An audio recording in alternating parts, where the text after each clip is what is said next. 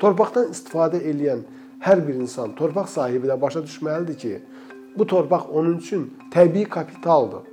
Yəni o kapital bəzən pulla ifadə olunmaya bilər. Çünki onun qiyməti çox yüksəkdir və yalnız ondan ehtiyatlı istifadə nəticəsində həmin o təbii kapitalı qorumuş olur.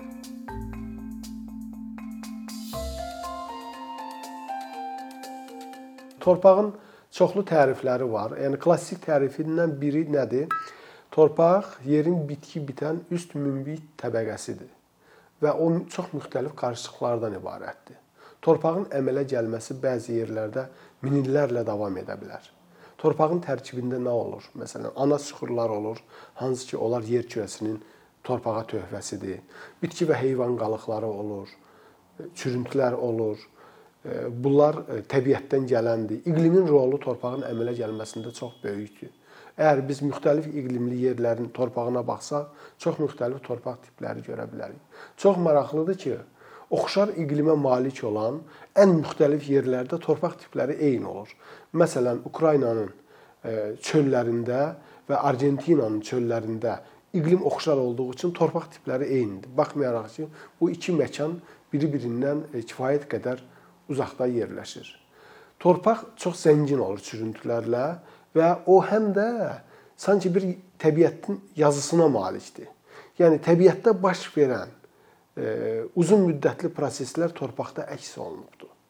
Əgər biz torpağın profilini çıxarsaq, dərininə qaçsaq, üst qatın daha zəngin, daha qara olduğunu görərik və o, o biz diqqətlə tədqiq eləsək, görərik ki, orada məsələn 100 il, 150 il bundan qabaq qalmış e, bitkilərin qalıqları mövcuddur.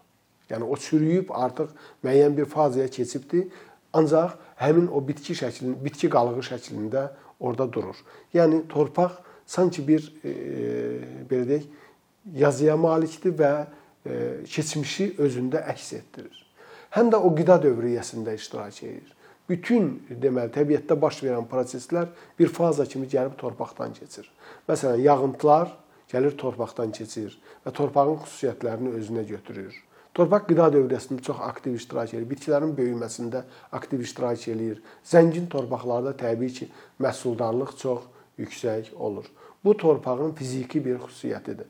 Amma torpağın sosial, mədəni, estetik e, mənaları da var. Əgər biz baxsaq, məsələn, kənd və şəhər yerlərini müqayisə etsək, torpağın funksiyası burada tamam başqa olar. Adətən biz torpağa baxırıq kənd təsərrüfat məhsullarının mənbəyi kimi. Məsələn, kənd yerlərində torpaq əsas qida məhsulları ilə təmin edən bir mənbə kimi çıxış eləyir.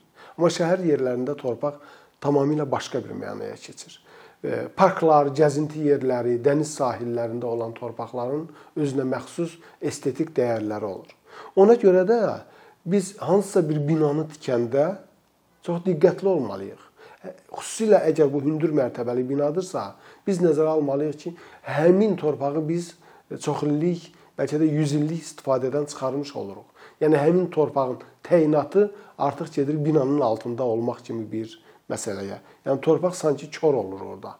Yəni binanın altında qalır. Bu məsələlərə çox ciddi yanaşmalıdır. Xüsusilə açıq ərazilərdə yeni torpaqların istifadəyə, tikinti üçün istifadəyə verilməsinə çox ciddi nəzarət olmalıdır. Ona görə də yollar mümkün qədər e, köhnə yolların üzərindən çəkilməlidir.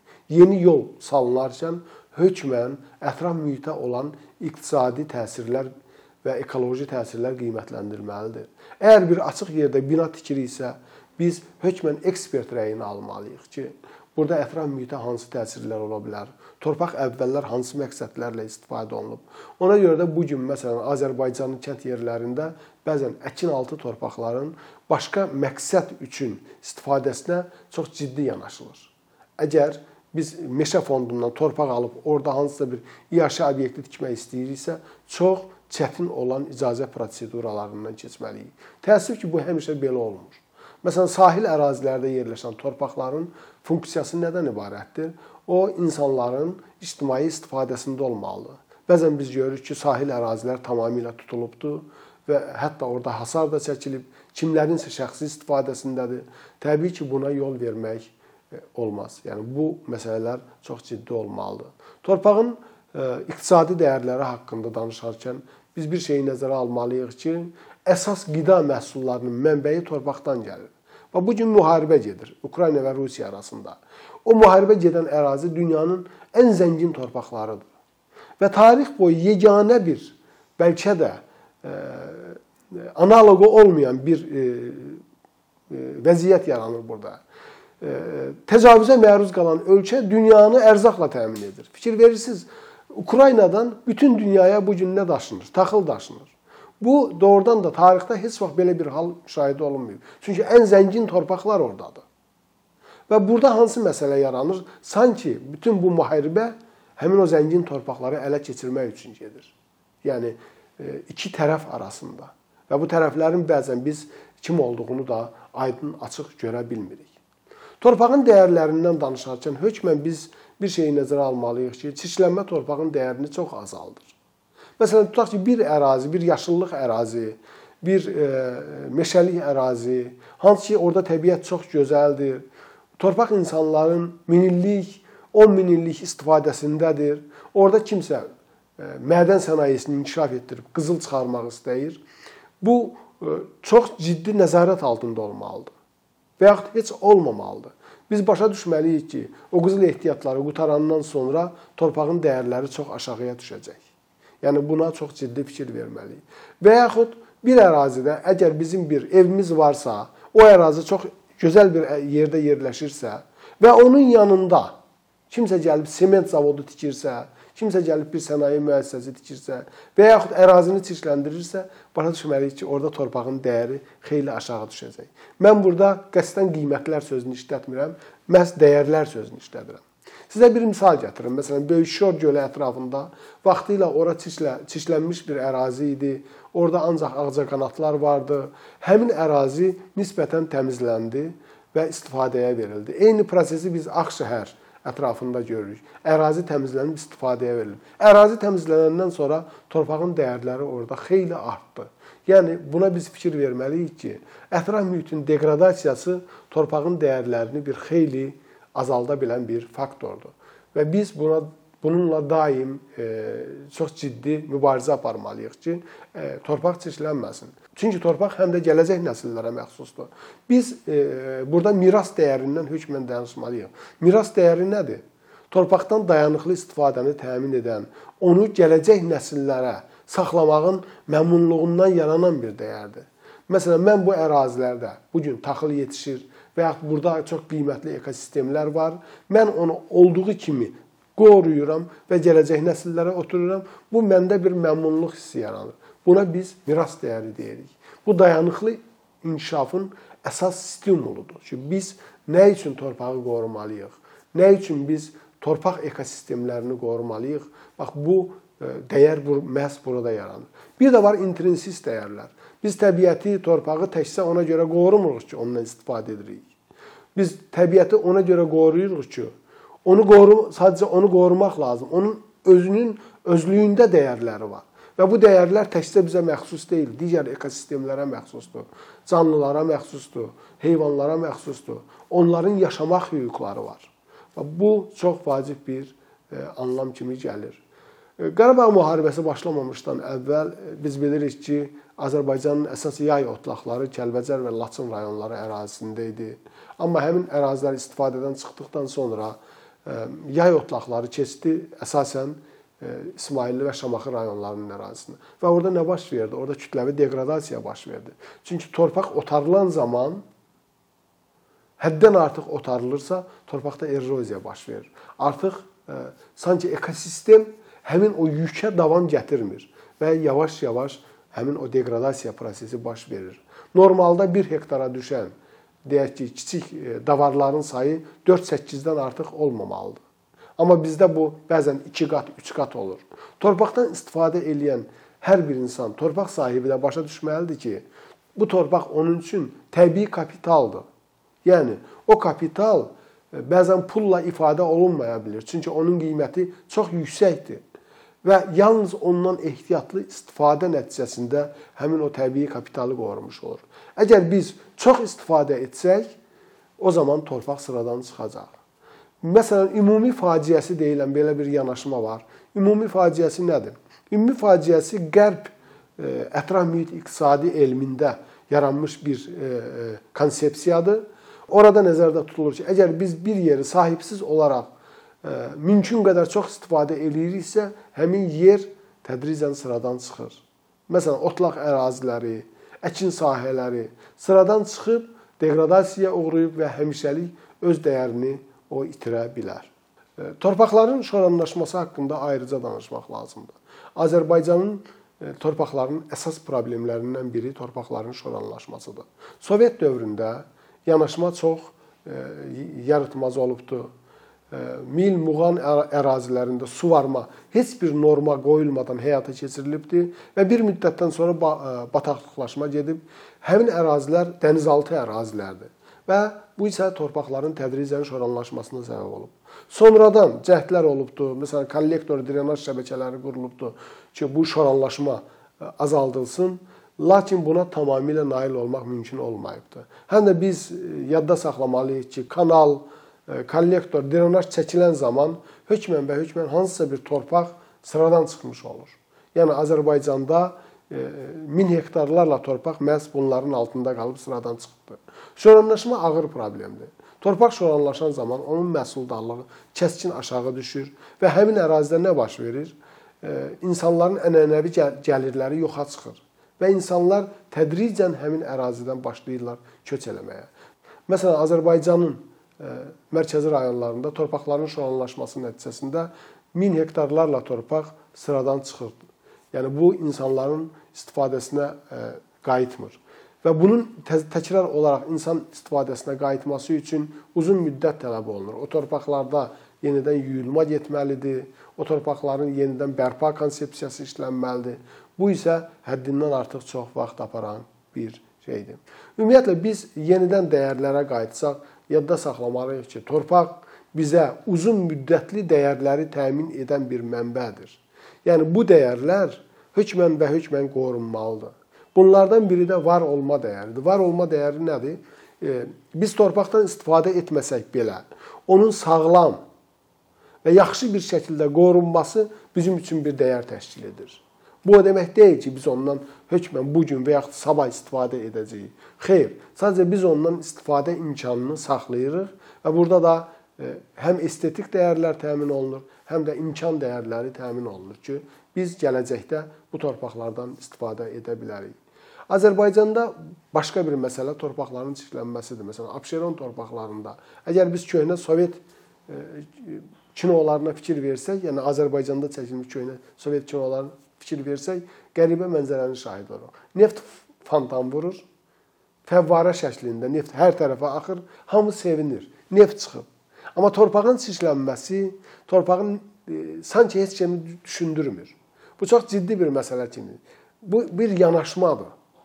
Yəni Sovet dövründə olan yanaşma heç vaxt ekoloji yanaşma olmayıb. Bu onu göstərir. Mənə neft lazımdır, mənə torpaq lazım deyil. Neftlə çirklənmiş torpağın təmizlənməsi isə çox baha başa gəlir. Əgər biz e, bir ərazini neftlə çirkləndirsək və sonra onu təmizləmək istəsək, o nefti satdığımız e, pulun üstünə də 2 dəfə, 3 dəfə artıq qoyub həmin ərazini təmizləməliyik. Ona görə də Abşeronda bu gün 30 min hektara yaxın torpaq sıradan çıxıbdı. Yəni neftlə çirklənmiş ərazidir. Hətta elə yerlər var ki, orada bina tikilir o ərazi təmizlənilir, bina tikilir və sonradan neft yenidən üzə qalxır. Bu çox ciddi bir məsələdir və bizim belə deyək, Sovet dövründən bizim ölkəmizə, bizim xalqımıza qalmış bir mirasdır. Bunları təmizləmək nə qədər çətin olsa da, bunların bərpa işləri həyata keçirilməlidir. Mənim yaxşı yadımdadır, 2010-2012-ci illərdə Abşeron göllərinin bərpası, Abşeron torpaqlarının bərpası adlı iri layihələr planlaşdırılmışdı. Bunların bir hissəsi həyata keçirildi, amma bir hissəsi hələ də qalır. Yəni vəsait çatışmazlığı ucbatından hökmən e, bu bərpa prosesləri getməlidir. Və yaşıllıqlar e, və bərpa olunan torpağın əksəriyyəti hökmən yaşıllıq istifadəsinə verilməlidir. İndi biz e, bir qısa da mən urbanizasiya haqqında danışım və onun deməli torpağa təsirləri haqqında Urbanizasiya şəhərlərin inkişafı, şəhərlərin e, cəmiyyətin e, e, həyatında rolunun artması, iqtisadiyyatda rolunun artması deməkdir. Amma urbanizasiya həm də torpaq sahələrinin zəbt olunması ilə müşayiət olunmaqdadır. Yəni tikintilər getdikcə artır, daha çox torpaq əraziləri zəbt olunur. Bu məsələ xüsusi qanunvericiliklə hökmən tənzimlənməlidir ki, yəni əvvəllər əkin altında olan torpaqlar e, bu gün tikinti altına keçməsin. Yəni burada çox ciddi bir nəzarət mexanizmi həyata keçirilməlidir. Bəzən görürsən ki, e, müəyyən bir park olan ərazi hasara alındı, zəbt olundu və orada hündür mərtəbəli bir bina tikildi. Biz bunu tikməklə başa düşməliyik ki, kiminsə əlindən dəyərləri almış oluruq. Bu hansı dəyərdir? Kimsə uşaqlıqda həmin ərazidə oynayıbdı. O xatirələr artıq yoxa çıxır. Kiminsə istifadəsində olan bir torpaq artıq e, heç kimin istifadəsində qalmır, özəlləşir və yalnız şəxsi məqsədlərə xidmət eləyir. Bunu nəzərə almalıyıq. Xüsusilə bu dəniz sahili olan ərazilərə aiddir. Məsələn, bizim e, Xəzər sahilində yerləşən əhali arasında keçirdiyimiz sorğunun e, nəticəsi göstərir ki, Xəzər dənizi sahillərinə çıxış insanlarda xeyli məhdudlaşıbdır. Yəni hər bir ərazidə Xəzər sahillərinə çıxış yoxdur. Yəni o torpaqlar hansı ki vaxtilə e, turist məqsədləri üçün istifadə olunurdu və yaxud oluna bilərdi, bu gün artıq şəxsi istifadədir. Torpaqlardan istifadəni optimallaşdırmaq üçün hökmən idarə olunma olmalıdır. Yəni e, hər hansı bir bələdiyyə fikir verməlidir ki, onun ərazisində olan torpaqlar hansı məqsədlər üçün istifadə olunur? Əkin sahəsində olan torpaqlar hansıdır? E, ictimai istifadədə olan torpaqlar hansıdır? Tikinti altında olan torpaqlar hansıdır? Və buna çox ciddi nəzarət olunmalıdır. Və bu dəyər hökmən qorunmalıdır. Gələcək nəsillərə ötürülməlidir. Biz bilməliyik ki, bu gün bizə məxsus olan və olmayan şeylər var. O olmayan şeylər nələrdir? bizdən əvvəlki nəsillərin itirdikləri. Bizim onlar haqqında heç bir informasiyamız yoxdur. Bəzən mən kinolara baxıram, e, görürəm ki, qadınlar dəniz sahilində e, hansısa e, o camaşırlarını yuyurlar. Dənizdə balıq çıxarılır. Məsələn, xüsusilə ötən əsrin 20-ci illərinə aid olan kinolarda Xəzər dənizində balıq istehsalı çox göstərilir. Yəni bunlar artıq yoxdur. Bu bizdən əvvəlki nəslin itirdiyi dəyərlərdir. Və bu gün bizim əlimizdə olanı da biz qorumalıyıq ki, gələcək nəsillər onu e, itirilmiş hesab etməsin. Bu gün e, e, texnologiyalar inkişaf eləyir, kompüter əsridir. Baxır, baxıram, məsələn, gənclərin əksəriyyəti IT üzrə oxumağa gedir. Bütün bunlar olsun. Bizim buna heç bir etirazımız yoxdur. IT yaxşı ixtisasdır. Amma bircə şeyi nəzərə almalıyıq ki, həmişə gələ indi də, gələcəkdə də, bu keçmişdə də belə olub. Ərzağın mənbəyi torpaqdır. Yəni bizə bu ixtisaslarla bərabər yaxşı aqronom, yaxşı baytar həkimi həmişə lazım olacaq. Dünya getdikcə ərzaq qıtlığı ilə üzləşir. Nə, nəyə görə? Çünki getdikcə daha çox insanlar ənənəvi istehsal sahələrini tərk edib şəhərlərə gəlirlər. Bu gün hamı təmiz ərzaq axtarışındadır. Hamı istəyir kənd yumurtası yesin, hamı istəyir kənd qaymağı yesin. Amma biz heç vaxt düşünmürük ki, axı bunu kim etməlidir? Bunu kim istehsal etməlidir? Yəni biz e, deməli və yaxud bizdən əvvəlki nəsillər bu ənənədən imtina edib gəliblər və artıq o torpaqlarda həmin məhsulları yetişdirən bir qüvvə yoxdur. Bəzən bu torpaqlar artıq özləri yoxdur, sıradan çıxıblar, deqradasiyaya uğrayıbdır, ya çirklənibdir. O məhsullarla bizi təmin edə bilmirlər. Bu birinci şərtdir. İkinci halda isə bununla məşğul olan insanlar yoxdur. Biz başa düşməliyik ki, e, biz e, dünyanı gözləyən bu ərzaq qıtlığına hazır olmalıyıq. Ona görə də bizim torpaqdan istifadə edən yaxşı mütəxəssislərimiz olmalıdır. Torpaq idarəçiliyi üzrə yaxşı aqronomlarımız olmalıdır. Ali məktəblərimiz bu məsələyə çox ciddi fikir verməlidirlər. Çox yaxşı mütəxəssislər yetişdirməlidirlər ki, onlar məhz ərzaq istehsalı ilə məşğul olsunlar və bizi e, gələcəkdə gözləyən ərzaq qıtlığından azad edə bilsinlər. Bu gün Azərbaycan ərzağın çoxunu kənardan idxal eləyir. Amma bizim torpaqların da buna gücü çata bilər. Ona görə də məhz torpaqların sağlam idarə olunması təşkil olunmalıdır və bu ağıllı bir şəkildə həyata keçirilməlidir. Torpaqların zəbt olunmasına qətiyyən yol vermək olmaz. əkin altında olan torpaqlar xüsusi olaraq qorunmalıdır. Bu gün bu qorunur əlbəttə, amma bu qorunma daha da artırılmalıdır. Biz başa düşməliyik ki, bəli, biz 16 mərtəbəli bina tikirik.